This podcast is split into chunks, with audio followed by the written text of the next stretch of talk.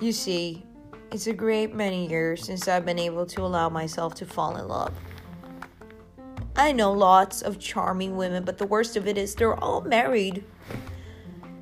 Women don't become charming to my taste until they're fully developed, and by that time, if they're really nice, they're snapped up and married. And then, because I am a good man, I have to place a limit to my regard for them. Maybe uh, I may be fortunate enough to gain friendship and even very warm affection from them, but my loyalty to their husbands and their hearts and their happiness obliges me to draw a line and not overstep it. Of course, I value such affectionate regard very highly indeed. I am surrounded with women who are most dear to me.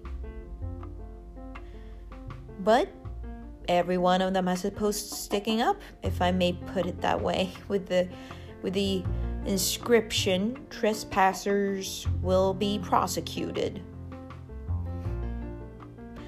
How we all loathe that notice. In every lovely garden, in every dell full of primroses, on every fair hillside, we meet that confounded board and there is always a gamekeeper round the corner. But what is that to the horror of meeting it on every beautiful woman and knowing that there is a husband round the corner? I have this